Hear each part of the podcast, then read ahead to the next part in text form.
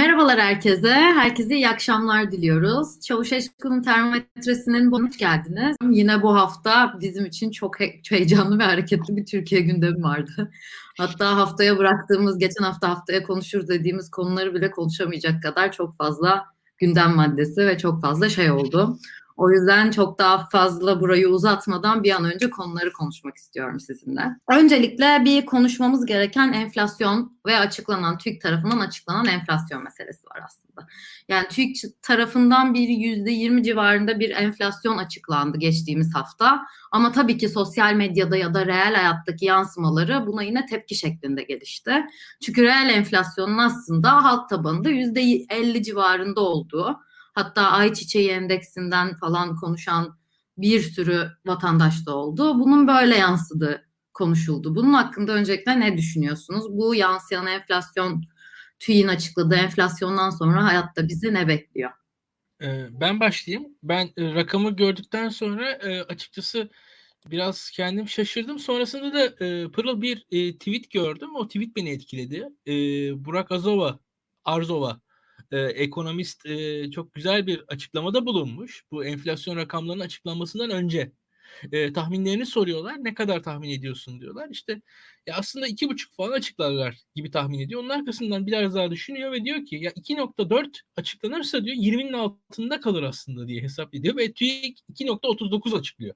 Ya şimdi tecrübeli Türkiye Cumhuriyeti vatandaşları belli bilgi birikimine sahip oldukları zaman aslında böyle başarılı tahminlerde bulunabiliyorlar. Yani bu ama e, memleket şartlarının getirdiği bir şey. Bir defa TÜİK'in şu an Türkiye'deki itibarı e, çok düşmüş durumda. Şu an aslında e, ilginç bir şey yaşıyoruz. E, Türkiye'de mesela ekonomi daha önce kötü oluyor muydu? Ekonomi daha önce de kötü oluyordu. AKP öncesinde de ekonominin kötü olduğu zamanlar var. Evet.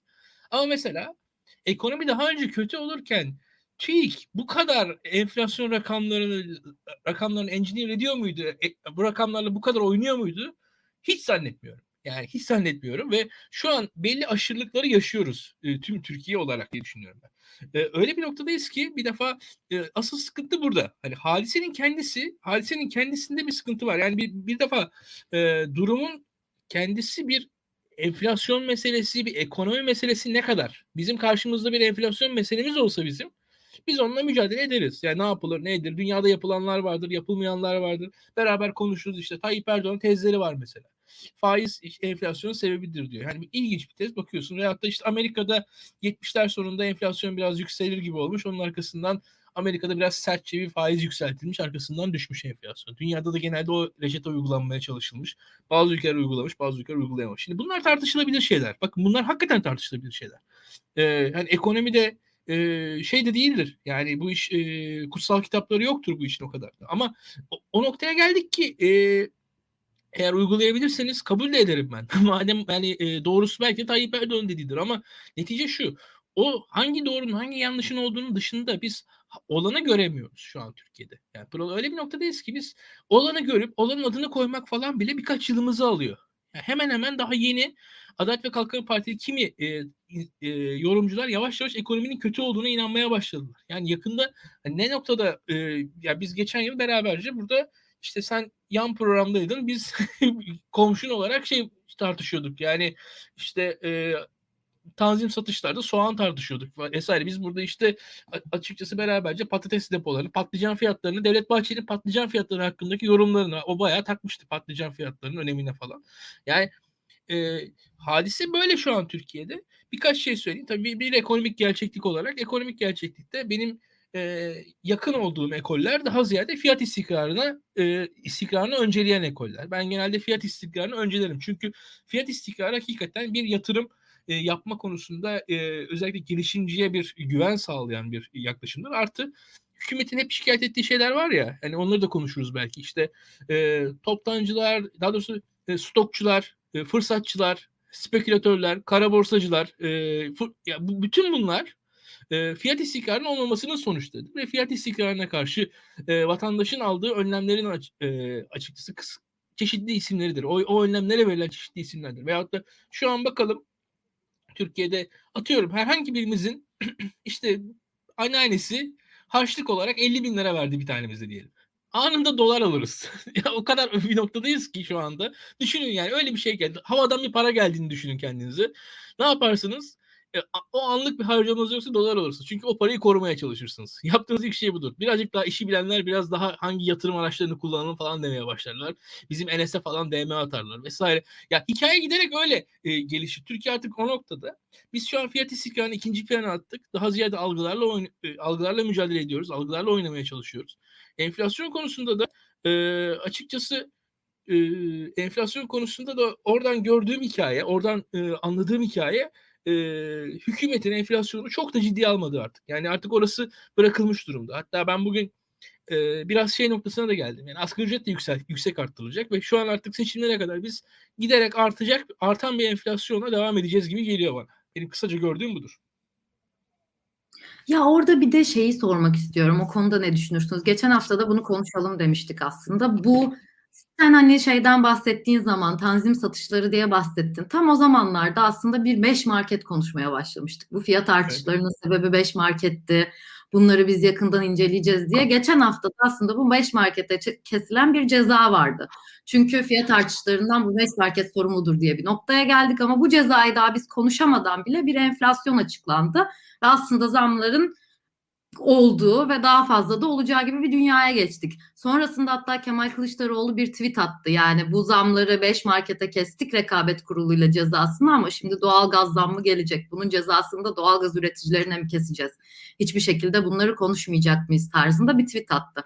Bunun hakkında ne düşünüyorsunuz? Yani bunların cezasını bir şekilde 5 markete kestik. 5 markete gerçekten tarihte ilk defa kesilmiş cezalar görüldü. Ama bu zamları azaltma ya da tüketiciye yansıyan bir şeye geçecek mi? Ya da bunu ne kadar konuşacağız? Sonrasında ne olacak? Burak Hocam siz ne düşünüyorsunuz genel olarak? Evet, sorumlu olarak hükümet dışında herhangi birisini belirleyebiliriz. Yani bu dönemin alameti farikası budur. Hükümet herhangi bir konuda sorumlu olamaz. Her konuda yetkili ancak hiçbir konuda sorumlu değil. Böyle özetleyebiliriz. Zaten içinde yaşadığımız sistemi biz hükümeti her konuda yetkili kılabilmek için seçtik. Yani Cumhurbaşkanlığı sistemi bir anlamda böyle bir sistem. Dolayısıyla bütün yetkiler e, Sayın Cumhurbaşkanı'nın elinde. Ancak Sayın Cumhurbaşkanı hiçbir konuda sorumlu değil. Yani sorumlu olsa da sorumlu değil. Mutlaka bir tarihsizlik, mutlaka açıklanamayan bir değişken, mutlaka e, bir operasyon, mutlaka perde arkasından karanlık bir el, mutlaka e, toplumun ritmini, saflığını bozan, çıkarcı bir zihniyet. Böyle bir şeyler olabilir yani. Hani onun dışında herhangi bir sorumlu olamaz. Yani ekonomiyi kötü yönetmek gibi bir seçenek olamaz zaten. Yani önce onu söyleyeyim. Bu sadece ekonomi alanında değil, dış politikada da böyle. E, bürokratik kurumların işleyişinde de böyle. E, yani e, Sayın Cumhurbaşkanı'nın ve kabinesinin herhangi bir konuda bir dahli olamaz. Yanlış bir karar vermiş olamaz. Mutlaka tahmin edilemeyen e, düzeni bozan, öngörülemeyen bir takım kötü niyetli insanların müdahalesi sonucunda umulmadık sonuçlar alınmıştır. Bu aslında Carl Gustav Jung'un ilkel insanları tanımlarken kullandığı olağan dışı hadiseler karşısında tepki veren varlıklar e, önermesine de çok uyuyor. Yani ilkel insan ile medeni insan arasındaki fark olağan dışı hadiseleri nasıl ele aldıklarıdır diyor Jung ilkel insanlar hayatlarındaki düzeni bozan herhangi bir hadiseyle karşılaştıkları zaman bunu e, aşkın bir gücün kendilerini cezalandırmak için yaptığını düşünürler. Yani mesela benim annemi kaplan yedi. Çünkü ben geçtiğimiz günlerde bir arı öldürdüm. Arı da yüce işte kraliçe tanrının çok sevdiği bir hayvan. Dolayısıyla benim annemi kaplan yedi gibi bir şey e, medeni insan başına gelen talihsizliklerin neden sonuç ilişkisini görür, anlamaya çalışır. Gerçeklikle barışıktır. Yani medenilikle ilkellik arasındaki fark gerçeğin düzen dışı, olağan dışı hadisenin neden sonuçları üzerine kafa yorma eğilimidir.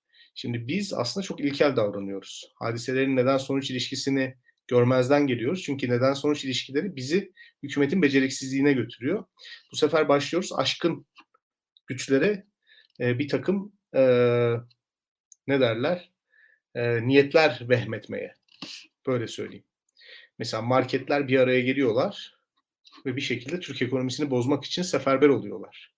Dış güçler bir araya geliyor, Türk dış politikasını sabote etmek için seferber oluyorlar. O yüzden e, bizim bulduğumuz açıklama genel itibariyle bunlar. E, halbuki çok basit bir gerçeklik var. Yani biz e, iktisadın doğasına aykırı işler yapıyoruz. Ve bunu aslında yapma sebebimiz şöyle bir şey. E, başkanlık sistemiyle birlikte siyasi iktidar, onun güç aldığı sınıflar ve onun aslında ayrıcalık sağlayarak iktidarını devam etme kültürünün e, sürmesi için toplumun tamamının bir şekilde bedel ödemesi gerekiyor. Yani bugün kamu özel işbirliği projeleri ya da Kanal İstanbul gibi projeler devam etmek zorunda. Çünkü iktidarın bir şekilde gücünü aldığı bir medya var.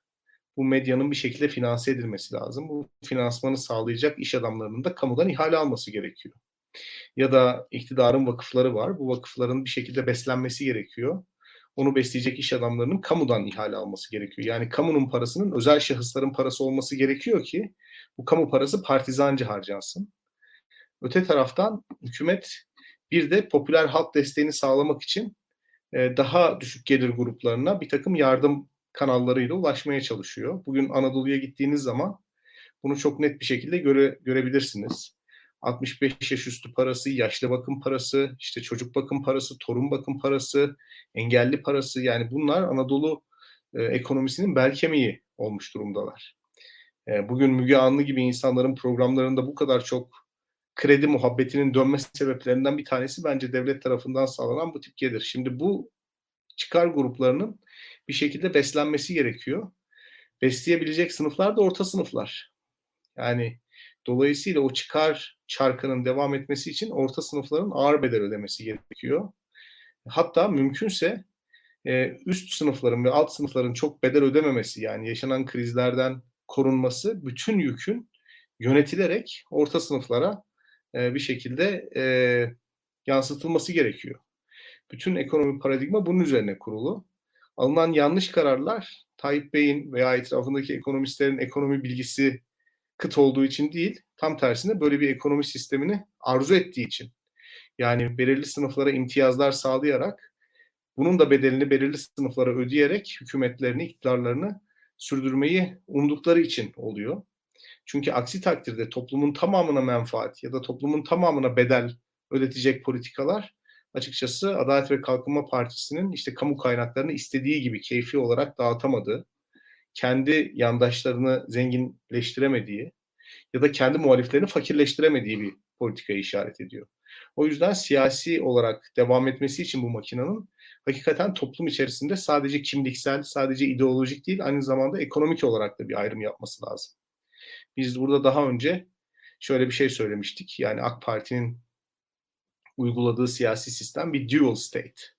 Ernst Frankel'in Nazi Almanyası'nı ta- tasvir etmek için kullandığı ikili bir devlet, ikili bir kanuni yapı, ikili bir vatandaşlık anlayışı şeklinde tasvir etmiştik. Aslında ikili bir toplum da var Türkiye'de. Yani dual state, dual society. İkili bir toplum var. AK Parti milleti var. Bir de AK Parti dışında millet var. AK Parti devleti var. Bir de AK Parti dışında devlet var. Yani AK Partili olmayanların ödemekle zorun, zorunlu olduğu, ödemekle yükümlü olduğu cezalar, vergiler, girmek zorunda olduğu sınavlar, başarmak zorunda olduğu şeyler var. AK Partili olanlar bundan muaf. Son TÜGVA ifşalarında bunu gördük.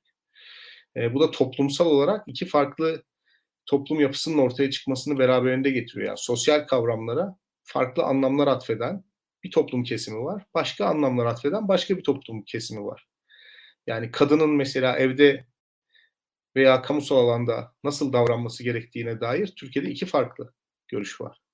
Bu kaçınılmaz bir şey. Yani popülizmin biz en keskin noktasını yaşıyoruz aslında ve iktisadi anlayışımız da buna eşlik ediyor. Bu şöyle söylemek gerekiyor. Dışarıdan paranın geldiği, nispeten Türkiye'de istikrarın olduğu bir dönemde pek fazla göze batmıyordu. Fakat para çekildikçe bu daha güçlü bir şekilde gözükecek. Ve biz ekonomik krizden çıkış reçetesi olmadan ekonomik krizi yöneterek ekonomik kriz Adalet ve Kalkınma Partisi'ne nasıl daha az zarar verir düşüncesinden hareketle bir plan geliştireceğiz. Bugün marketlerin sorumlu tutulması, bugün e, işte orta sınıfın ödemekle yükümlü olduğu vergilerin, cezaların artması, e, bizlerin ücretlerinin düşmesi, bunların hepsi belirli bir ekonomik sıkıntının toplumun çok spesifik kesimleri üzerinden giderilmeye çalışılması, diğerlerine çok fazla dokunmadan halledilmeye çalışılması. Bu meselenin arkasında yatan zihniyetin bu olduğu kanaatindeyim ben bu zihniyeti konuşmuşken ya da bunun sebeplerini konuşmuşken ben bu sefer birazcık daha özel olarak tabanda ya da halkta nasıl bir karşılık buluyor bu şeyler? Yani gerçekten bu ekonomik kriz dediğimizde bir dış gücün sorumlu gösterilmesi ya da bu artan fiyatlardan marketlerin sorumlu gösterilmesi ya da doğalgaz için söylenen aslında biz daha pahalıya alıyoruz ama bakın size çok daha ucuza satıyoruz gibi bugün yaptı Erdoğan'ın açıklama. İnsanlar tarafından artık o kadar da dinleniyor mu? Yani gerçekten tek bir lider ve dediği her şeye inanan bir kitleye hitap eden Erdoğan'ın şu an bu sözleri tabanına inandırıcı geliyor mu? Ya da insanlar artık bunlara okey oluyor mu sizce? Ee, bence değil. Çünkü e, Adalet ve Kalkınma Partisi büyük bir hata yaptı ve Naci Ağbal'ı Merkez Bankası Başkanı olarak atadı. Naci Ağbal'ın Merkez Bankası Başkanlığı doğru şeyler yapıldığı zaman enflasyonun düşeceği, doların e, düşeceği, e, Türk ekonomisinin istikrarlı bir şekilde ilerleyeceğini gösterdi. Yani doğru şeyler yaptığınız zaman tüm toplumun menfaatine olan gelişmeler yaşanıyor Türkiye'de. Borsanız artıyor, dış borcunuz var, dolarla ödüyorsunuz, doların fiyatı düşüyor. Dolayısıyla firmalarınız rahatlıyor. Yani özellikle fakirliği belli bir kesime yansıtmak yerine ya da refahı belli bir kesime yansıtmak yerine doğru politikalar uyguladığınız zaman e, bütün toplum için olumlu şeyler yapıyorsunuz. Olumsuzluk olsa da bütün toplum eşit olarak yükleniyor. Ancak Naci Ağbal'ın sistem içerisinde hayati bir rol edinmesi, yani Merkez Bankası Başkanı'nın iyi şeyler yapması, onun yokluğunda daha kötü şeyler olacağını da gösterdiği için, yani Merkez Bankası Başkanı'nın sistem içerisinde anahtar kişi haline getireceği için ve bir şekilde Tayyip Bey'in otoritesinin e, dışında kalacak, özel bir alanın oluşmasına sebep olacağı için e, bu istenmedi. Yani Naci Ağbal'ın görevden alınmasını isteyenlerin ana argümanı neydi biliyor musunuz? E, yarın Türk ekonomisi çok iyiye giderse Naci Ağbal'ın yokluğunda çok kötüye gidebilir. Dolayısıyla Naci Ağbal bunu kullanarak Tayyip Bey'e karşı otonom özel bir alan elde edebilir. Onun otoritesine meydan okuyabilir. Hatta bazı arkadaşlar şöyle dediler. Bu insanlar dediler hain. E, elde ettikleri gücü başka güç odaklarının menfaatine kullanacak ve Türkiye Cumhuriyeti'ni tehdit edecek. Bunlar konuşuldu Türkiye'de. Naci Abal'ın görevden alınmasından sonra 6 lira olan kur 10 liraya yükseldi. İşte biz ödüyoruz bunun bedelini, firmalar ödüyor. Fakat Tayyip Bey otoritesini Merkez Bankası üzerinde tam olarak kurdu. Yani istediği adam Merkez Bankası Başkanı, Para Politikası Kurulu üyesi. Fakat Türkiye daha fakir. Yeter ki onun otoritesine zeval gelmesin. E bu da beraberinde şunu getiriyor. Siyasi olarak Adalet ve Kalkınma Partisi'nin gücünü paylaşmadığı, kurumlarla e, gücünü bir şekilde bölüşmediği, kurumlara otonom alanlar tanımadığı bir Türkiye'de e, iktisadi olarak büyük bir sıkıntı yaşanıyor. Fakat bu iktisadi sıkıntı belirli kesimlerin üzerine boca edilerek çözülmeye çalışılıyor. Yani şunu söylemeye çalışıyorum. Ee, biz e, başka türlü de yönetilebilirdik. Türkiye'nin iyi yönetilmiş olması ya da doğru adımların atılması insanlara ekonomik krizin yabancı güçlerle pek alakası olmadığını gösterdi. Naci Bey görevden alındığı gün borsa iki gün üst üste yüzde on değer kaybetti. Borsa yatırımcıları yüzde yirmi para kaybetti. Bunun dış güçlerle alakası yoktu. Onu söyleyeyim. Yani biz iyi gördüğümüz için kötüye sebep olacak gelişmeleri de doğrudan gözlemlediğimiz için artık dış güçler, işte firmalar, karteller, tekeller gibi argümanlar o kadar da inandırıcı gelmiyor kimseye. Üstelik hani insanlar yokluk gördü diyoruz ya eskiden hani tüp kuyrukları, gaz kuyrukları falan diyorlar. Doğru ama insanlar eskiden bu kadar renkli ve canlı piyasa ekonomisi de görmemişlerdi. Yani şu anda o kadar fazla market çeşitliliği, o kadar fazla e, arz yapan e, aktör var ki piyasada. Yani piyasanın şu anda fiyatları özellikle çok rahat ulaşılabilir, inovasyon gerektirmeyen fiyatları e, bir şekilde tüketici lehine düşürmesi çok normal. Yani eskiden her mahallede sadece bir bakkal varken, her köyde bir tane bakkal varken bugün her köyde BİM var, bakkallar var. Geçici pazarlar kuruluyor. Yani piyasada çok az aktör var. İnsanlar kimin ucuza, kimin pahalıya sattığını görüyor. Yani BİM'i cezalandırıyorsunuz ama insanlar aslında bulabildikleri en ucuz ürünün de BİM'de olduğunun farkındalar. Anlatabiliyor muyum? O yüzden ben artık o tip argümanların çok alıcısı olmadığı kanaatindeyim.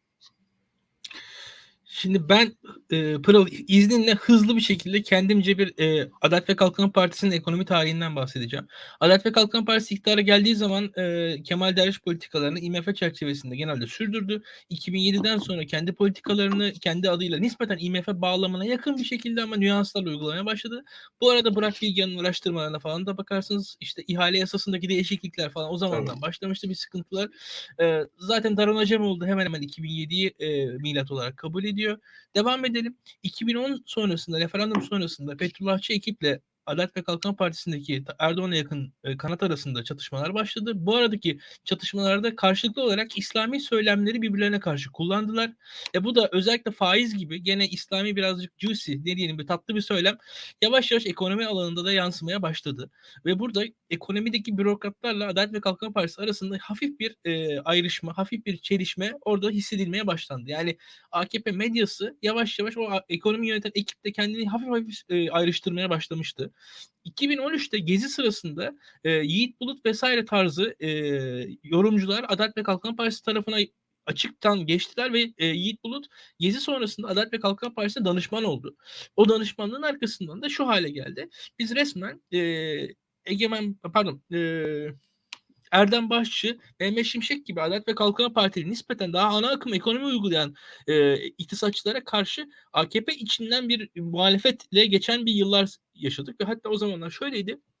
Berat Albayrak bakanlığı öncesinde Türkiye'nin resmi Merkez Bankası Başkanı, resmi Maliye Bakanı, Ekonomi Bakanı açıklamalar yapar. Biz arkasından danışmanlar ne diyecek diye bir de onları izlerdik. Benim bankacı arkadaşlarım falan Cemil Ertem'in, Yiğit Bulut'un hesaplarını takip ederlerdi.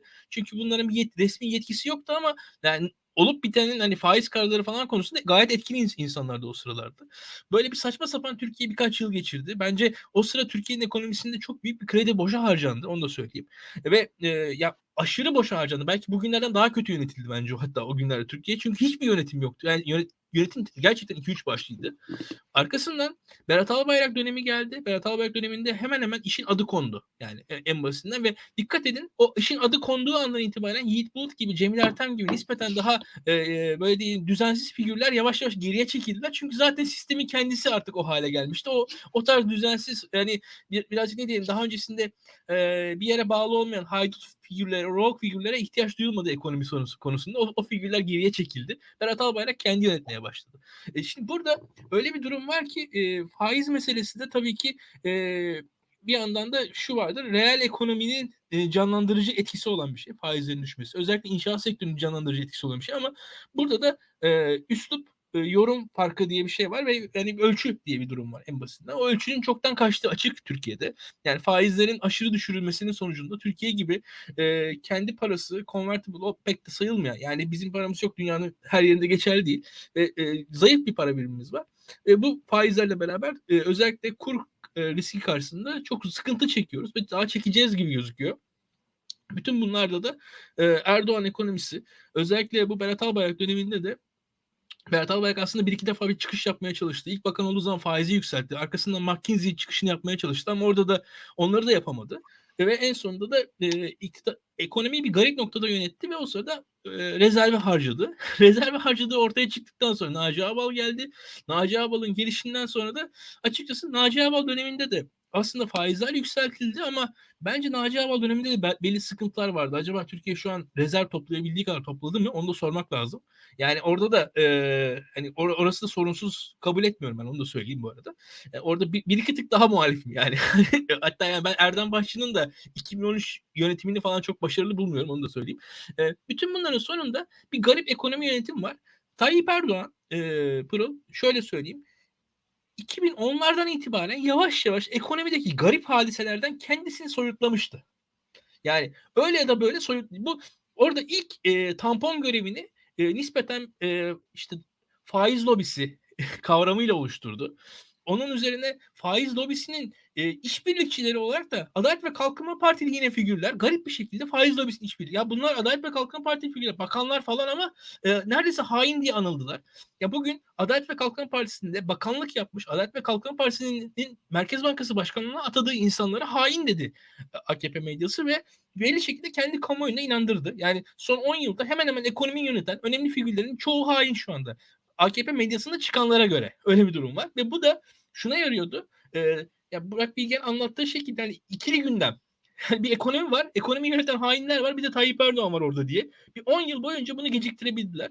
E, belki şu anda benim e, de gördüğüm, Burak Bilgen'in de gördüğü, biz geçen yıl bunu söyledik yani Berat Albayrak'ın çekilmesiyle beraber piyasadan aslında senin dediğin hikayenin e, senin dediğin noktaya geldik. Yani ekonomide olanlardan Tayyip Erdoğan'ın anında sorumlu gö- görülmesi hali. Yani açıkçası şu an ayçiçek yağının fiyatı kilosu kaç paraysa yani 75 lira mı 60 lira mı 40 lira mı o an Tayyip Erdoğan onun karşılığı onun, onun direkt sorumlusu olarak görülmeye başladı. Daha öncesinde bu sorumlu işte Berat Albayrak'tı, e, Mehmet Şimşek'ti, faiz lobisiydi, dış güçlerdi, bir şekilde TÜSİAD'tı. E, şu an e, böyle bir e, umacı, böyle bir e, ne diyelim günah keçisi bulmaya çalışıyor hükümet. Şu an için bulabildiği günah keçisi de nispeten kamuoyunun daha da adını bilebildiği gibi bu beş büyük merkez zinciri e, açıkçası ilk e, iyi bir iyi bir şey çünkü böyle e, kavram böyle bir günah keçisi bulacaksanız herkese o günah keçisinin adını öğretmeniz gerekir. Herkesin adını bildiği bir kavram olduğu için bu marketlerde açıkçası çok güzel bir şekilde günah keçisi yapılabiliyor. Hatta ya şöyle düşünün. Ya mesela Gezi'de eylemcilere e, dükkanının kapısını açmayan yüzlerce dükkan vardı ama herkes Starbucks'ı hatırlar. Çünkü herkes adını bilir. Oradaki hani Hayrullah Efendi bakkalı da belki kapıyı kilitledi. Eylemcilere yardım etmedi ama kimse onu e, hedefe koymaz. Bunun gibi şu anda da o 5 büyük markette hedefe kondu. Bu arada şunu da söyleyeyim ben. Ya o 5 büyük marketin konumları da o 5 büyük marketin de yani e, serbest piyasa bağlamındaki e, ilişkileri de hiç tartışma dışı değildir. O 5 büyük marketin de şu anki hallerine gelişi çok da normal kapitalist süreçler içerisinde gelişmiş gibi değildir bana göre. Onu da ekleyeyim. Ya o kararın zaten tamamını incelediğimizde belli başlı şeyleri de var. Yani kendi aralarında beşinin oluşturduğu fiyat tekerleri bunlar ayrı bir konuyken öbür bir konu aslında halk tabanında ya da Twitter'da en azından benim gördüğüm ya da sokakta konuştuğum insanlar tarafından bu marketlerin aslında fiyatları yüksek tuttuğu o yüzden bir enflasyon olduğu gibiydi. Ama aslında o kararın verilme sebeplerinden biri de bu marketlerin aslında belirli kampanyalar indirimler yaparak mahalle marketlerini birazcık daha zedelediği, mahalledeki esnafın fiyatlarının yüksek kaldığı o marketlerin dışında gibi bir algı oluşmuştu. Ama bu aslında benim gördüğüm kadarıyla beklendiği kadar halk tabanından kabul edilmedi. Yani bu beş marketin tamamen sorumlu tutulduğu bir gerçek marketlerin yaptığı açıklamalarla da beraber yapmadı gibi gördüm ben azından. Siz nasıl yorumlarsınız bilmiyorum ama çok kısa şeyini de soracağım. Aslında biraz önce dediğiniz şey Erdoğan artık ekonomide olan şeylerden sorumlu. Çünkü bir günah keçisi bulamıyor artık ve halk da Erdoğan'ı bir şekilde sorumlu tutuyor gibi. Bugün yaptığı açıklamayı nereye koyabiliriz o, o noktada? Yani bir enflasyon artışından sonra çok da konuşulan, her gün konuşulan zamlardan sonra bugün elektrik faturalarındaki aslında her gün tartışılan TRT fonu ve birazcık enerji fonunu kaldırdı. Artık TRT'ye vergi ödemeyeceksiniz elektrik faturalarında gibi bir çıkış yaptı. Bunu da aslında o konuştuğunuz noktalara koyabilir miyiz? Bakın biz de sizin tarafınızda sizi düşünüyoruz, birazcık rahatlatmaya çalışıyoruz gibi bir ihtiyaç mıdır bu söylemin yapılması? Elektrik faturasından ödemeyeceğiz ama başka bir şeyden ödeyeceğiz muhtemelen. Yani TRT'nin gider, giderleri azalacak mı? Yani orada mesele şu. Yani biz artık böyle bütçe kalemlerini e, sınıflandırarak çok hassas bir denge üzerinde yürümüyoruz ki. Yani onu onun adını koyalım. Hani TRT ciddi anlamda kendi bütçesini daraltmadıktan sonra e, böyle abuk sabuk dizilere milyonlarca lira harcamadıktan, abuk sabuk yönetim kurulu üyelerine huzur hakkı ver, vermekten vazgeçmedikten sonra ha elektrik faturasını ödemişiz, ha su faturasını ödemişiz, ha trafik cezalarını bir yerden ödeyeceğiz yani. Hani bir yerden bu toplum ödeyecek. Hani elektrik faturasından ödenmeyecekse, çünkü elektrik faturası bütün hanelere ortak olarak yansıyor aralarında AK Parti seçmenleri de var. Muhtemelen AK Parti seçmeni olmayan insanlara havale edilecek. Yani benim tahminim alkol vergisi artabilir. Oradan TRT payı kesilebilir. Yani mümkün mertebe yine toplumun bir kısmı bir kısmının üzerine yüklenecek. Yani o kriz, o maliyet yönetilecek. Yani benim için havadis TRT'nin bütçesinin azaltılması olur. TRT kanallarının bir kısmının kapatılması olur. TRT personel reformu olabilir. Ee, TRT ihalelerinin denetimi olabilir. Yani benim için havadis budur. Yoksa TRT payı elektrik faturasından alınmayacak havadisi benim için kötü bir haber. Muhtemelen benim tükettiğim herhangi bir maldan alınacak. Ya ben bir mala daha fazla para vereceğim. Bu kadar. Yani e, ben de katılıyorum. Çok ekstra ekleyeceğim bir şey yok. Nedir? Tabii Tayyip Erdoğan'ın yaptığı şey. Tayyip Erdoğan birincisi dediğin şey çok doğru. Bir şeyler yapıyormuş gibi görünmek istiyor. Yani orada da TRT payı yani görünen şeyin görünmez hale getirilmesidir. Orada mesele görünenin görünmez hale getirilmesi şöyle tabii Türkiye'de yani hepimiz işte hani çalışan insanlar biliyorlar hani brüt net farkını.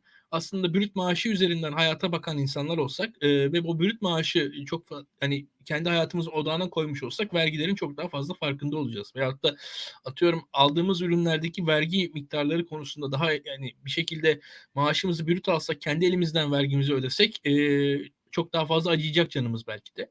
E, bütün bu yaklaşımlar aslında Türk insanının e, tabii ki o gözünden kaçırmanın e, bir varyasyonu şu an şu aşamada. Yani oradaki bir o bütçe kalkmadıktan sonra Bilgehan çok haklı. E, orada sadece bizim şu anda o net brüt farkındaki bir değişim gibi geliyor. Yani o net hani bir şekilde benim elimden parayı direkt hani çünkü faturayı ben e, elimle ödediğim için o TRT payından rahatsız oluyorum. Para, parayı çünkü ben elimle ödüyorum yani. O TRT payı açıkçası Amerika'daki vergi sistemi ne benzer bir şekilde o benden o parayı alıyor. TRT'nin vergisini ben elimle ödüyorum. Ama o nokta şu anda TRT'nin vergisini gene elden ödemeyeceğim. O maaşından direkt doğrudan kesilecek. Yani fiilen e, değişim bu. E, bütün bu hikaye aslında Türkiye Cumhuriyeti Devleti'nin hafif bir e, mini akıllıca hareketi. Benim gözümden kaçırıyor hadiseyi. E, ve ha, hadise aslında değişmiyor. Ha, nedir burada? E, şunu söyleyebilirim. E, yani Türkiye'de e, enerji maliyetleri yükselecek. Hane halkının enerji maliyetleri yükselecek. Yani bu hane halkının enerji maliyetlerinin yükseleceğini hükümet de görüyor. Engellenemez şekilde yükselecek durumda. Bizim de bu arada yayınımız oldu. E, ya geçen cuma günü Nabız e, evet. ve bence e, arkadaşlar onu da izlesinler. O yayında da gösteriyoruz bazı şeyleri. E, enerji maliyetlerinin yükselmesi artık engellenemez bir şey. Ve e, öyle gözüküyor ki e, belli sübvansiyonların neredeyse yapılması gerekiyor aslında. Yani o hale gelmiş durum. Çünkü e, halkın taşıyamayacağı noktaya gelebilir enerji maliyetleri. Şimdi burada e, bu e, hareket nispeten sübvansiyon yapmama hareketi aslında. Yani teknik olarak. Şu anda şu anki artışta ben açıkçası sübvansiyon bekliyordum. Ee, özellikle hane halkı ele, elektrik tüketimine dair. Hatta yani belli mega e, belli tüketim miktarına kadar sübvansiyonlar da gelebilir bence. Çünkü artışın e, gidişi kötü. Yani şu an onu söyleyebilirim size. Yani özellikle e, ne diyelim belli şekilde hem vatandaşı tasarrufa iten hem de e, ekonomik olarak destekleyen bir sübvansiyona ihtiyaç var şu anda. Şu anki artış oranlarına baktığımız zaman. Yani buradaki e, faturalar falan çok fena noktalara gidebilir. Yani e, hem işte hem doğalgaz faturaları hem doğalgazın yükselmesiyle beraber gelecek elektrik faturaları. E, çünkü özellikle bir yani burada sıkıntılı bir durum başlıyor şu an Türkiye'de. E, hükümet buna dair şu an minör bir adım atmış durumda bence. Bu TRT payı vesaire aslında o gelen dalgaya karşı küçük bir hareket. Daha ziyade ya o yani en azından yani ilk adım diyelim. Daha büyük adımlar atılması gerekir diye düşünüyorum. Bakalım e, gelecek mi devamı? Ki Tam enerjiye gelsin. geçmişken, enerjiye geçmişken aslında orada birazcık daha bir şeyler katıp sormak istiyorum size. Ya son 3 ayda enerji fiyatları 2000 seviyesine 4000 seviyesine geldi. Bayağı neredeyse iki katına çıktı. Hatta iki katından fazla da çıkması gerekiyor. Doğalgaz fiyatından bahsediyorum. Bunların hane halkına yansıması bir noktada ama bir noktada üretim üreticiye de yansıyacak ve bir, bir yerde artık zamlarda muhtemelen bizi bekliyor olacak. Çünkü bu Üreticiler de fabrikaları bir noktada bu enerjiyle ya da doğalgazla sürdürüyorlar. Bir yanda bu doğalgaz fiyatının artışları gerçekten neredeyse dünyadaki en pahalı doğalgazı alma yoluna giderken bir yerde de aslında Türkiye'de çok konuşmadığımız bir enerji krizi kış aylarında bizi bekliyor. Yani dünyada şu anda herkes e, talebin artması ama arzın kuraklık sebebiyle azlığı sebep azlığından dolayı Ocak, Şubat, Mart aylarında hatta Aralık'ta da başlaması bekleniyor. Büyük bir elektrik kesintisi furyasının dünyayı vuracağını söylüyor. Doğalgaz fiyatları bu kadar artmışken bir elektrik kesintisi de bekliyorken bu kış aslında biz ne göreceğiz Türkiye'de bu ekonomik krizde sizce? Şimdi e, ben dediğim gibi Cuma günkü yayınımızı işte kış gelirken Türkiye'nin doğalgaz meselesi Arif Aktürk'le Aydın Sezer'in konuk olduğu tekrar önereyim. E, dediğin e, kapsam pırıl çok doğru. E, Türk, tüm dünyada Covid e, kapanmaları sırasında, karantinalar sırasında enerji fiyat, enerji tüketimi azaldı. E, ve bir şekilde kapasite hatta fazla geldi dünyaya. Ancak e, kapanmaların ardından tüketim e, kapanmaları da karşılayacak şekilde fazlasıyla arttı. Çok çok yükseldi bir anda tüketim. E, bir yandan bütün bunlara da e, enerji dönüşümü, bu iklim değişikliği bağlamında olan dönüşümlerde de e, belli e, tahmin edilen e, başarılar elde edilemedi birçok yerde. Bütün bunların sonunda tabii fiyatlar şu an çok yükselmiş durumda.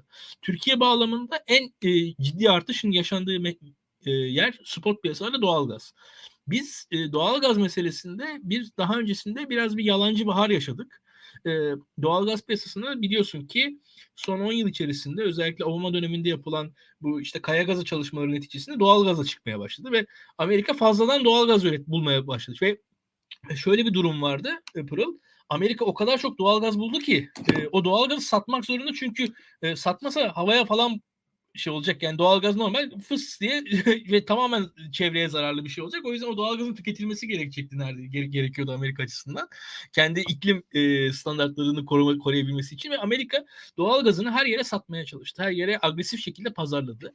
Türkiye'de buradan çok güzel nemalandı. Spot piyasadan ucuza doğalgaz aldı ve bir şekilde e, Rusya ile olan e, alımlarını daha minimal seviyede tutmaya çalıştı ve Türkiye aslında sanırım bence e, yani o programdan izle, yani edindiğim izlenim bizim Daktilo 1984 Arı'nın yaptığı röportajlarda o o yalancı bahardan etkilendik biz ve e, uzun vadeli e, ciddi anlaşmalar zamanda yapamadık diye düşünüyorum. Şu anda da biraz yumurta kapıya dayandı her zaman olduğu gibi. E, ve ne olur e, enerji krizi e, diyorsun. Bu enerji krizi dediğin zaman iki türlü. Birincisi fiyatlar çok yükselir mi? Evet fiyatlar çok yükselir. Bir diğeri tabii en pahalı enerji burada bu söz galiba Mesut Yılmaz'ın sözüymüş olmayan enerji. Şimdi e, olmayan enerji en pahalı enerjidir. Yarın yar, yarın bir gün hakikaten enerji yok olursa. Yani biz bizim bir şekilde doğalgazımız olmazsa, atıyorum elektriğimiz çalışmazsa ne olur? Bunun maliyeti tabii çok daha e, katlanılmaz maliyet. Şimdi orada şöyle bir durum var. Hemen hemen e, en azından ben Aydın Sezer'e güveniyorum e, onun uzmanlığına en azından Rusya ile ilişkiler konusunda belli bir birikim var. Rusya enerji konusunda o kartı pek oynamıyor. Yani e, sağlayıcı olarak genelde güvenilir bir sağlayıcı. E, yani öyle kolay kolay doğal gaz kesmiyor. Yani ha, kaç paraya satar bilmiyorum. Onu söyleyeyim yani. Orada maddi standartlarında Rusya çok da bir e, şey yapmaz. Yani kendisinden fedakarlık edeceğini zannetmiyorum maddi konularda. Türkiye ile zaten Burak Bilgen uluslararası ilişkiler bağlamında da Rusya'ya Rusya'nın e, nasıl yaklaştığını benden daha iyi biliyor ve bu maddi konularda pek Rusya ciddi Türkiye'ye karşı ama diğer konularda birazcık daha eli açık davranıyor. E, yani Türkiye'den çok ciddi bir maliyet isteyebilir ama Türkiye doğalgaz sağlama konusunda çok da e, hani elini sıkı tutacağını, elini kısıtlayacağını düşünmüyorum Türkiye'nin. E, nedir ama bunun maliyetlerini Türkiye karşılayabilir mi? Tabii tartışmalı. Ya bütün bunların yanında tabii iki türlü bir şey var senin anlattığın. Hükümet şu aşamada nispeten doğru bir karar aldı. Ne yaptı? E, sanayi ürünlerinde doğalgaz fiyatını dünya fiyatlarıyla beraber yükseltti. E, ama hane halkı tüketimini de yükseltmedi. Henüz o kadar. Ve bu bu tabii aslında doğru bir yol. Yani çünkü en basitinden sanayinin e, şeyi nispeten e, sübvansiyonu aslında bir noktada yaptığımız ihracatla beraber yabancı ülkelerin sübvansiyonuna gitmeye başlayacak. Çünkü orada biz çünkü o, o doğalgazın parasını vatandaş ödeyecek. O doğalgaz üretilmiş eşyanı eşyayı ucuza yabancı alacak falan. O, o çünkü o ihracat aslında bizim zararımıza bir ihracat neredeyse haline gelebilir. Şimdi o o noktada yapılan doğruydu ve dediğin gibi aslında bu e, sanayiye giden e, yüksek fiyatlar da er geç tabii hane halkına dönecek. Enflasyon olarak dönecek. Sanayinin sattığı ürünler olarak dönecek. O üretiminden gelen ürünler olarak dönecek. O da o da dediğinde doğru.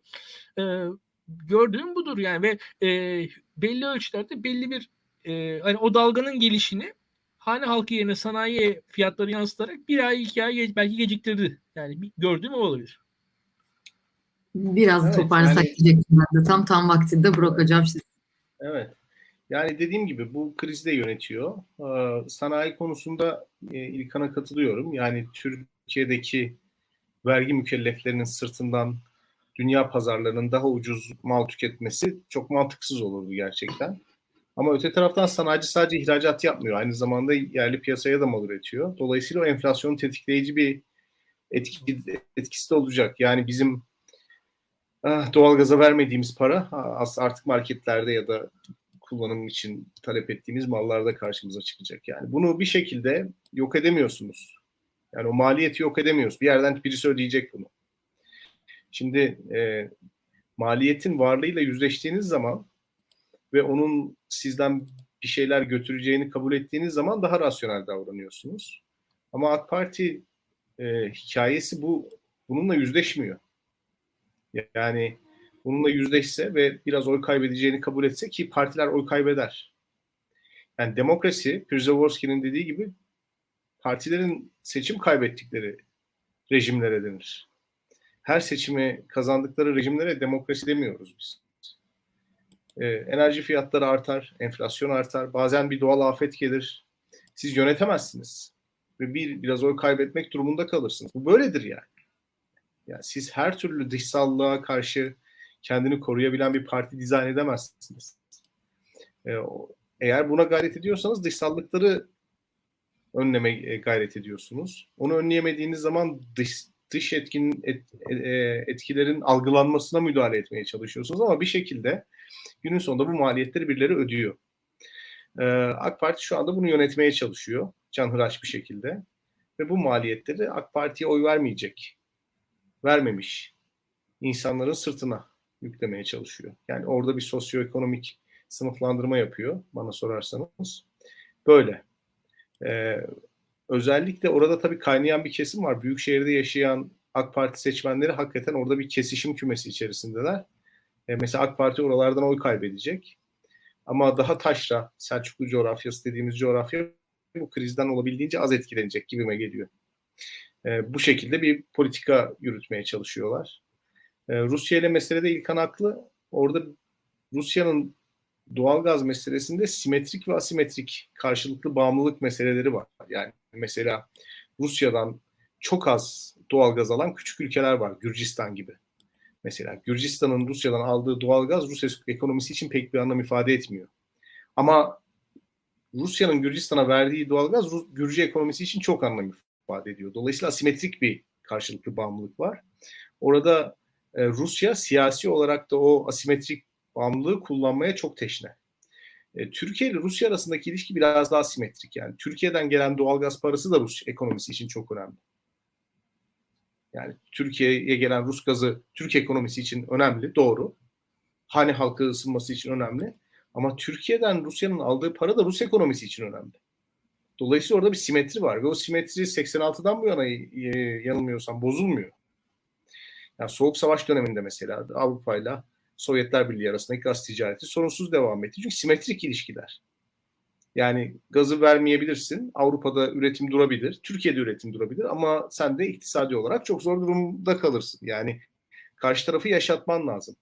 Ya, Türkiye'den çok fazla maliyet talep etmenin de bence bir manası yok. Çünkü e, Türkiye orada şöyle bir şey var. Ödeyebileceğinin maksimumu yani Türkiye'nin iktisadi olarak aşırı derecede zayıflaması ve ödeyemeyecek duruma gelmesi de Rusya'nın çok arzu ettiği bir şey değil. Ödeyebileceğinin maksimumunu almaya çalışıyor. Maalesef böyle bir bir durum var. Ee, ve hani Türkiye ile Rusya arasında ben hani enerji konusunun siyasallaşmasını açıkçası beklemiyorum. O siyaset dışı bir mesele olarak iki ülkenin ekonomisini de ayakta tutan simetrik bir şekilde karşılıklı bağımlı oldukları bir mevzuya işaret ediyor. Yani evet enerji konusunda aslında bu iki ülke mutualist olarak birbirine bağımlı ve bağımlı dediklerinizi zaten e, çok şey, takdir etmekle beraber ama dünyada bu enerji krizi, Çin'deki kömürün bitmesi, Çin'de bazı fabrikalara enerji verilememesi falan gerçekten artacak mı? Buradan Türkiye ne kadar etkilenecek? Bu Rusya ile ilişkileri nasıl bir noktaya götürecek gibi hepimiz ileride göreceğiz sanırım. Burada ekleyeceğiniz bir şey yoksa ben e, öbür günden maddemize geçmek istiyorum. Birazcık da spor konuşmak istiyorum sizinle spor. beraber. Aynen böyle bir şey yapınca. Biraz da aslında spor, maraton, basketbollu dolu bir hafta geçirdik geçtiğimiz hafta. Geçtiğimiz haftaki yayında şeyi konuşmuştuk aslında. Erdoğan'ın çok fazla gizlenmesine rağmen yürüyemediği ya da yürürken teklediği görüntülerin ne kadar tabanında karşılık bulacağı, tabanını ne kadar kötü etkileyeceği ya da bunların gerçekten siyaseti ne kadar kötü etkileyeceğini konuşmuşken Ümraniye'de basket oynayarak bomba gibi bir dönüş yaptı aslında sahalara diyebiliriz. Bunun hakkında ne düşünüyorsunuz? Ben bugün bir yazı yazdım. Gerçek gündemde yayınlandı. Bundan sonra bir süre gerçek gündemde yazacağım. E, Daktilo'da da yazacağım tabii. Daktilo bizim evimiz. E, gerçek gündemde dışarıdan yani yazı göndereceğim. E, orada da bu konuya değindim.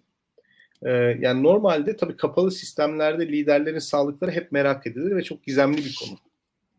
E, yazıda da bir örnek verdim. Hatta bu Mossad'ın e, Keşet diye bir kolu var. E, Hafız Esat Ürdün Kralı'nın cenazesine gittiği zaman bir otelde kalıyor.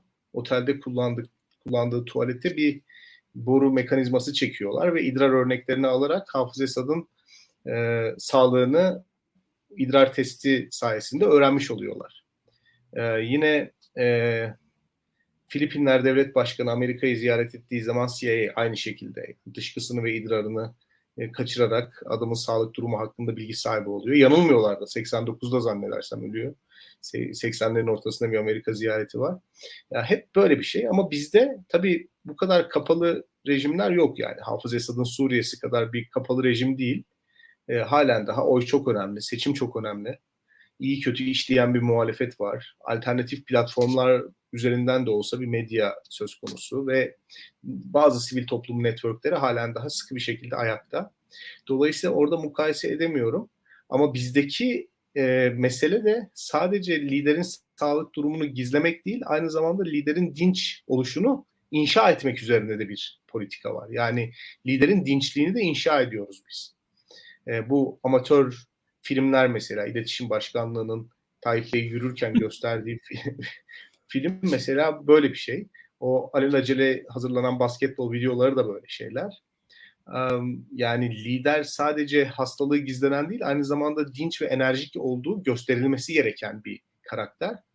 Bunun sebebini e, Benjamin Moffitt'in e, Popülizmin Küresel Yükselişi kitabını okursa izleyicilerimiz çok rahat görecekler. Çünkü popülizmin bir siyasi tavır meselesi olduğunu, popülist liderlerin de birer performans sanatçısı olduğunu söylüyor. Performans sanatçısı olmak şu demek, hepimizin ilgisini çekebilecek bazı hareketlerde bulunuyorlar. Mesela elitler ile halk arasında bir dikotomi tanımlıyorlar. Ama kendilerinin de çok fazla elitlere has olmayan hatta elitlerin yadırgayabilecekleri kaba tavırları var. Mesela bu kaba tavır... Hava gidiyorlar, barbekü yapıyorlar falan onlar. tabii tabii öyle o tip şeyler. Ee, yani bu kaba tavır derken şiveden tutun da giyim tarzına kadar ne bileyim ailesiyle ilişkilerinden tutun da çevresindekilerle konuşmasına kadar. Yani kadınlara elbise altına kamyon kadar. böyle kovboy çizmesi falan ya. Ben gibi şeyler. Tabii tabii tabii tabii. Ee, ya böyle bir şey. Performans sanatçıları dikkat çekmeleri gerekiyor. Ee, böyle insanlar, böyle böyle tavırları var. Fakat orada şöyle de bir durum var. Tabii bunlar halkın gerçek temsilcisi olduklarını iddia ettikleri için Pırıl. E, şöyle bir zan uyanıyor bizde.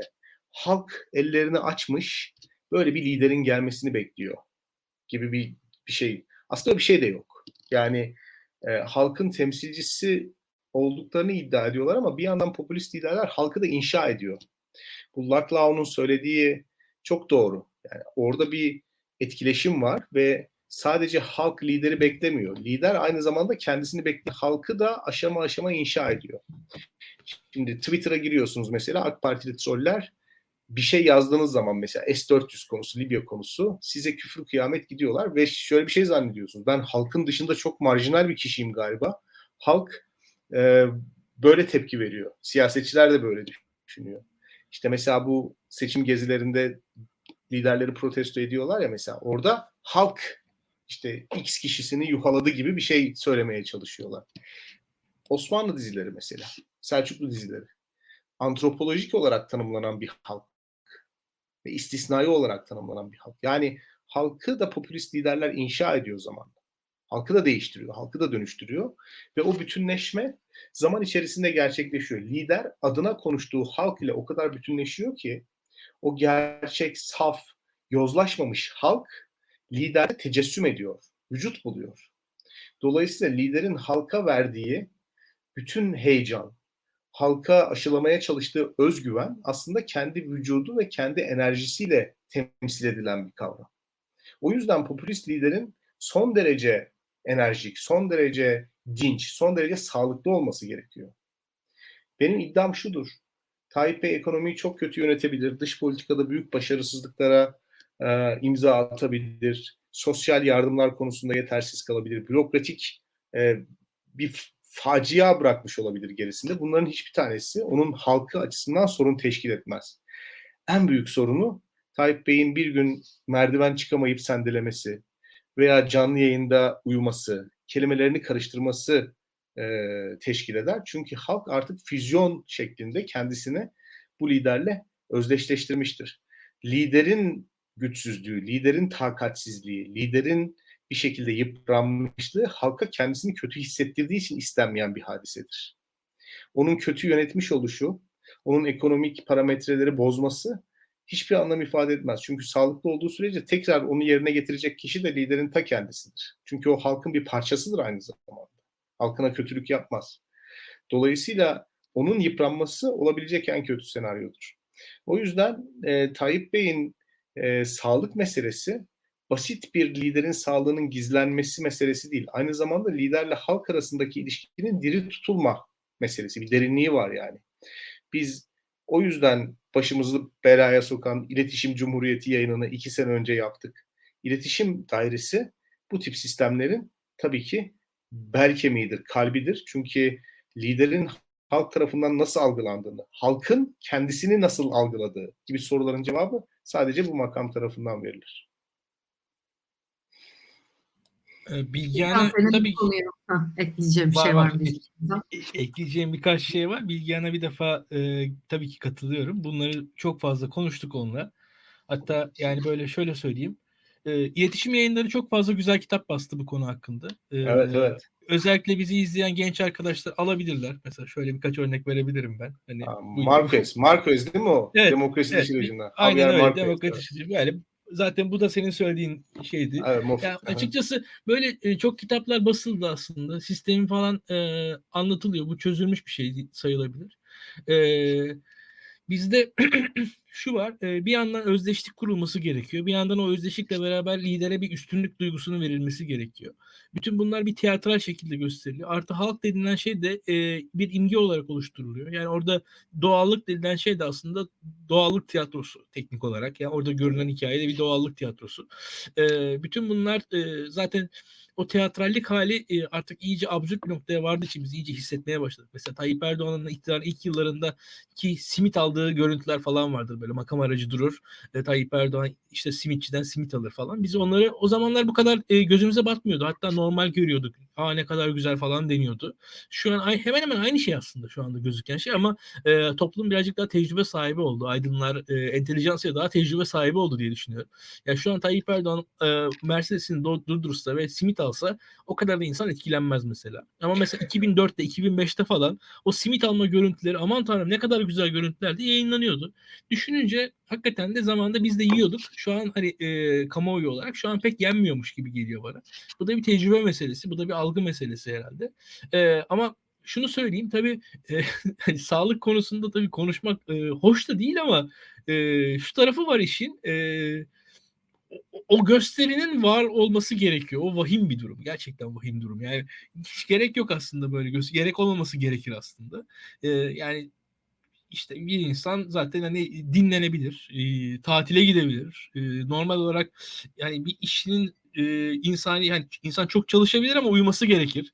Hatta bir ara çok hatırlayalım Tayyip Erdoğan için sürekli capsler dolaşır. 4 saat uyuyor, 2 saat uyuyor, uyumuyor, yarım saat uyuyor. Yani böyle bir bir insanüstülük atfedilmesi e, şey yapılır. Böyle hatta arada sağlığı için de Tayyip Erdoğan'ın kullandığı özel çay falan diye böyle enteresan e, sağlıklı iksirler, doğal e, şeyler falan e, işte dediğim e, hani şifalı otlar falan filan da bir ara ortalığa çok yayılmıştı. Yani bu böyle bir e, kutsiyet algısı böyle bir halenin oluşmasıyla beraber yürüyor diye düşünüyorum ben. E, bütün bunlar e, hala sürdürülmeye çalışıyor. Artık yap- yapılabilecek bir şey yok iktidar açısından. E, tabii açık konuşayım amatörce yani amatörce, vasatça ve ım, açıkçası öyle bir durum var ki şu an aslında çözüm yani çok basitçe bizim yayının başında söyledik. Tayyip Erdoğan dışındaki bazı figürlerin de öne çıkartılarak aslında o spot ışıkların Erdoğan'dan biraz çekilmesiyle ortaya çıkarmaz. Ama onu yapamıyorlar. Yani onu yapamıyorlar çünkü iktidar içerisindeki odaklar birbirleri, birbirleriyle çok e, kavgalılar. Yani normalde biz şu an şu bir hafta 10 gün Berat Albayrak'ı konuşarak, Süleyman Soylu'yu falan konuşarak aslında Tayyip Erdoğan'dan spotların çekilmesini sağlatabilirdi bu iktidar. Ve hiç böyle basket oynatmasına falan gerek yoktu. E, ve gayet de gündem devam ederdi. Türkiye Tayyip Erdoğan'ın eskiden aslında e, kamuoyunun kamuoyunun önünden çekildiği zamanlar vardır. Pırıl mesela. Tayyip Erdoğan arada bir bir hafta falan tatile giderdi eskiden. E, ve kamuoyu çok da farkında bile olmazdı bazen bunun. Yani bu, bu organize ediliyordu Türkiye'de. Şu an artık onu da organize edemiyorlar. Yani öyle bir e, çaresizlik durumu da var diye düşünüyorum. Yani evet tabii ki bunlar böyle. Son 5 dakikada ben bir de sizin son olarak şu konudaki yorumlarınızı merak ediyorum. Geçen hafta aslında burada ittifakın geleceğini konuştuğumuz zaman özellikle bu tezkere çıkışından sonra bazı soru işaretleri vardı. Özellikle Burak Hocam sizin kafanızda. Ama bu hafta sonu aslında dün olan, pazar günü olan maratonda çok güzel görüntüler verildi. Aslında ittifakın ortakları Meral Akşener, Kemal Kılıçdaroğlu, Ekrem İmamoğlu, Burak Avucu hepsi hep beraber sırayla maratonda koştular. Hem çok sportifiz ve çok genciz iktidarda hazırız pozu verdiler aslında belki de bizce. Bunu nasıl yorumluyorsunuz? Geçen haftadan beri aslında düşüncelerinizde değişen bir şeyler oldu mu son olarak? Ee, kısaca söyleyeyim çok memnun oldum maratondaki görüntülerden. Beni çok mutlu etti. İttifakın ayakta kalması lazım. İttifakın her türlü e, savrulmaya karşı kendisini koruyabilecek başlı başına bir ağırlık merkezi oluşturması gerekiyor. Ve e, geçen hafta ben Medyaskop yayınımda da söyledim. Yani, yani ittifakın Tayyip Erdoğan korkusundan bir araya gelmiş. Çift kutuplu siyasetin bir mecburiyeti olarak bir araya gelmiş. Dolayısıyla Tayyip Bey'in oyları düştüğü anda dağılabilecek zayıflıkta olmaması gerekiyor. Çünkü ittifak Tayyip Bey sonrası Türkiye'de Türkiye için bir önerisi olan, yönetme iradesi olan tek seçenek. Bunun adını böyle koymamız lazım. Yani biz Tayyip Erdoğan'ı mağlup etmek için değil, Tayyip Erdoğan sonrası dağılmış olan bürokrasiyi, aşılmış olan devlet kurumsallığını inşa etmek için oluşabilecek en geniş tabanlı koalisyonu kurmak, en geniş tabanlı ittifakı kurmak ve ayakta kalmak zorundayız. O yüzden taban genişletmek için, paydaşları arttırmak için olabildiğince kendi öz ideolojik eğilimlerimizi bir süreliğine bir tarafa bırakıp bu devletin rehabilitasyonu üzerine, modern devletin yeniden kurulması üzerine kafa yorup parlamentoyu, parlamenter sistemi savunmalı. İdeolojik tartışmalarımızı oraya taşımalıyız. Bir sene, iki sene sabretmek lazım. Ben kimseye otoriterlik vaat etmiyorum. Hiç kimseye bu geçiş süreci devam edinceye kadar daha fazla otoriterleşelim, dişimizi sıkalım demiyorum. Ama söylediğim şey bizim yaşadığımız zaten birçok hak ihlalinin, birçok mağduriyetin, birçok sıkıntının sebebi eşit vatandaşlık, modern devlet kavramına sahip olmamamız. Bunu inşa edelim diyorum. Yani hayatlarımızı kötüleştirecek bir öneride bulunmuyorum. Zaten kötü olan hayatımızı nasıl iyileştireceğimize dair bir şey söylüyorum. Dolayısıyla ittifakın bir arada olması ve son dönemde yaşanan krizleri atlatması çok beni memnun eden bir gelişme. Umuyorum e, İyi Parti'nin ve CHP'nin ve ittifaka katılacak, katılması muhtemel diğer partilerin e, kendi içlerinde e, ideolojik pozisyonlarını tahkim etmek isteyen insanlar olacaktır. Buna bir şey diyemem. E, yani hayatı istediğimiz gibi dizayn edemeyiz. Olacak. Ama bu insanları bir süre sakinleştirerek devam etmeleri bir arada durmaları açısından son derece e, iyi faydalı olacaktır. İttifak güçlü olduğu için Tayyip Bey kaybediyor. Yani bunu da söylemek lazım. Yani alternatif kendisini koruyabildiği sürece AK Parti kaybeder. İttifak zayıfladığı sürece, zayıflamaya meylettiği sürece AK Parti yeniden toparlanır. Bunu da e, akıllarda tutmak lazım. O zaman bunu birazcık daha sevindirici bir görüntü olarak görüyoruz geçen tabii, haftadan tabii. diyebiliyoruz. Birazcık da bunu böyle özetleyeyim. İlkan senin böyle özetle söyleyebileceğin son olarak bir şey var mı bu görüntüler hakkında? Yani görüntüler hoş. Zaten farklı siyasetçilerin farklı görüşte oldukları da belli olan siyasetçilerin yan yana geliyor olması anlamlı.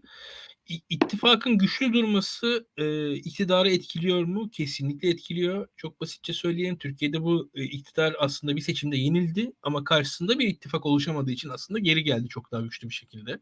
2015 Haziran-Kasım sürecinde yaşananları öyle de yorumlayabiliriz. Bu açıdan aslında muhalefet e, bir birliktelik sergileyebildikçe iktidar kaybediyor. E, bu denklem bence doğru.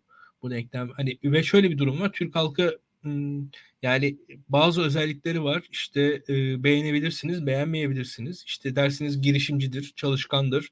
Onun dışında biriniz de, bir diğerimiz der işte tembeldir, işte açık fikirlidir, yeniliklere açıktır. Bir diğerimiz der yobazdır, şudur budur. Ama Türk halkının özellikleri arasında benim gördüğüm kadarıyla şu var. Birincisi bir sandık alışkanlığı var Türk halkının ve bir diğeri de e, belli bir hmm, yönetim ve idare beklentisi var. Yani bir yönetim ve idarenin olması gerekiyor. Yani tamam bir iktidar gidebilir ama yerine kim gelecek sorusu da e, halkın karşısında önemli. Yani bir iktidarın kurulması gerekiyor. Biz bir bir alternatifin orada da teşhi, e, teçhiz edilmesi gerekiyor. Yani bizim işte mesela Kurtuluş Savaşı'nda bile yani bir Ankara hükümetini sizin kurmanız gerekiyor orada. Yani Tabii, öyle bir durum var tabii. sonuçta. Yani orada bu olmadan olmuyor o iş. E, önemli bence. Çünkü e, bakarsak bu halk mesela antidemokratik denebilecek bir şekilde darbe yönetimlerini destekledi. Ama bir yandan da şu var. Aslında halk acaba darbe yönetimlerini mi destekledi Pırıl? Aslında halk yönetimi destekledi. Bir de yönetmesini destekledi. Yani orada o kadar da antidemokratik insanlardan oluşmuyor burası. Yani orada yönetme, yönetilme yani bir, bir yöneten birisi olsun o destekledi. Ki mesela bu geriye dönelim. Mesela atıyorum Rusya'da falan da yani Putin iktidarının önemli şekilde e, bulduğu sempati Yeltsin dönemindeki kaosun alternatifi olmasıydı aslında. Yani orada farklı farklı odakların devlet içindeki çatışmasını bitirmesiydi. Yoksa şu anki iktidardan da Rus halkı öyle çok memnun değil bence. Yani bunun gibi şeyler var. Bu bu açıdan da bir yönetim alternatifinin ortaya konması e, çok önemli diye düşünüyorum. Bu da e, şu an elimizde bu ittifak var. Bu ittifak sistematiğinin e, sürmesi gerekiyor. O zaman çok teşekkür ederim ikinize de. Bu haftalık yayının sonuna geldik diyebiliriz. Katkılarınız ve yorumlarınız için de gerçekten bir daha teşekkür etmek istiyorum. Haftaya muhtemelen yepyeni konularımızla ve yine Türkiye gündemiyle görüşmek üzere. Bir şey söyleyeceğim Pırıl kapatmadan önce bir şey söyleyeceğim. İki, iki haftadır senin programa gelmenle birlikte ikimiz de sakinleştik beyefendi gibi program yapıyoruz. Haksız mıyım İlkan? ya çok Önceki haklısın, pro- çok haklısın. Önceki programlara bakıyorum.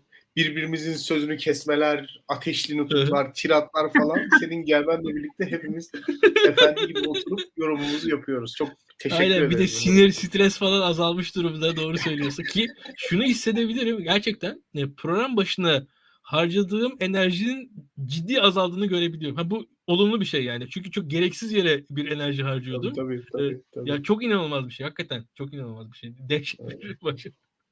Çok teşekkürler. Çok sevindim böyle sizin de düşünmenize. Ben de çok keyif alıyorum sizinle konuşurken. Daha fazla konular konuşacağımız daha nice programlara diyorum. Ve herkese iyi akşamlar diliyorum. İyi akşamlar. İyi akşamlar.